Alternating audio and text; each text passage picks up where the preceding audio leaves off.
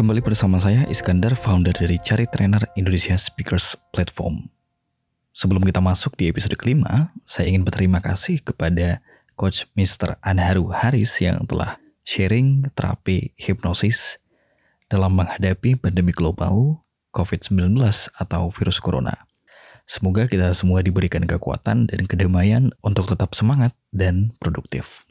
Kali ini kita akan berbicara tentang habits. Siapa sih yang nggak punya habits? Tentunya semua orang pasti punya habits. Tetapi kebanyakan orang nggak menyadari, tidak aware bahwa mereka memiliki habits-habits tertentu. Dan mereka yang sudah aware, tahu bahwa mereka punya bad habits atau kebiasaan-kebiasaan buruk, tentunya memiliki keinginan untuk mengubahnya menjadi kebiasaan-kebiasaan yang baru, yang positif, dan lebih baik lagi.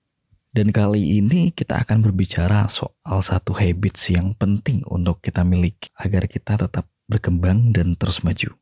Tetapi sebelumnya kita kenalan dulu nih dengan apa sih habits itu. Let's define what is habits. Habits adalah keputusan-keputusan kecil yang Anda buat dan Anda lakukan setiap harinya. Menurut para peneliti dari Duke University, habits ini memiliki peranan sampai 40% dalam aktivitas kita, dalam keseharian kita.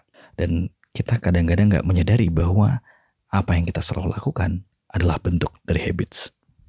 Kehidupan Anda hari ini sebenarnya adalah akumulasi dari habits-habits Anda yang telah Anda bentuk sebelumnya. Apakah Anda berhasil atau tidak berhasil adalah hasil dari habits. Apakah Anda kurus atau gemuk juga hasil dari habits Anda.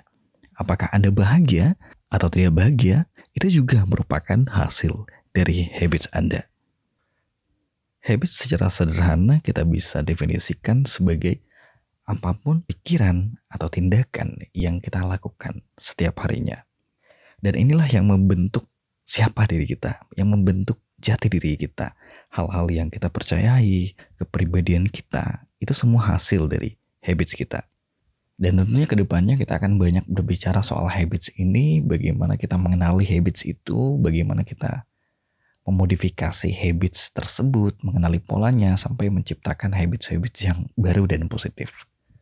Dan salah satu habit yang paling sering kita lupakan adalah habit believing in yourself, habit percaya sama diri sendiri. Jadi habit ini bukan hanya sebatas tindakan-tindakan, bukan hanya sebatas perilaku yang membentuk kita, tetapi justru habit ini bahkan adalah apa yang kita selalu pikirkan.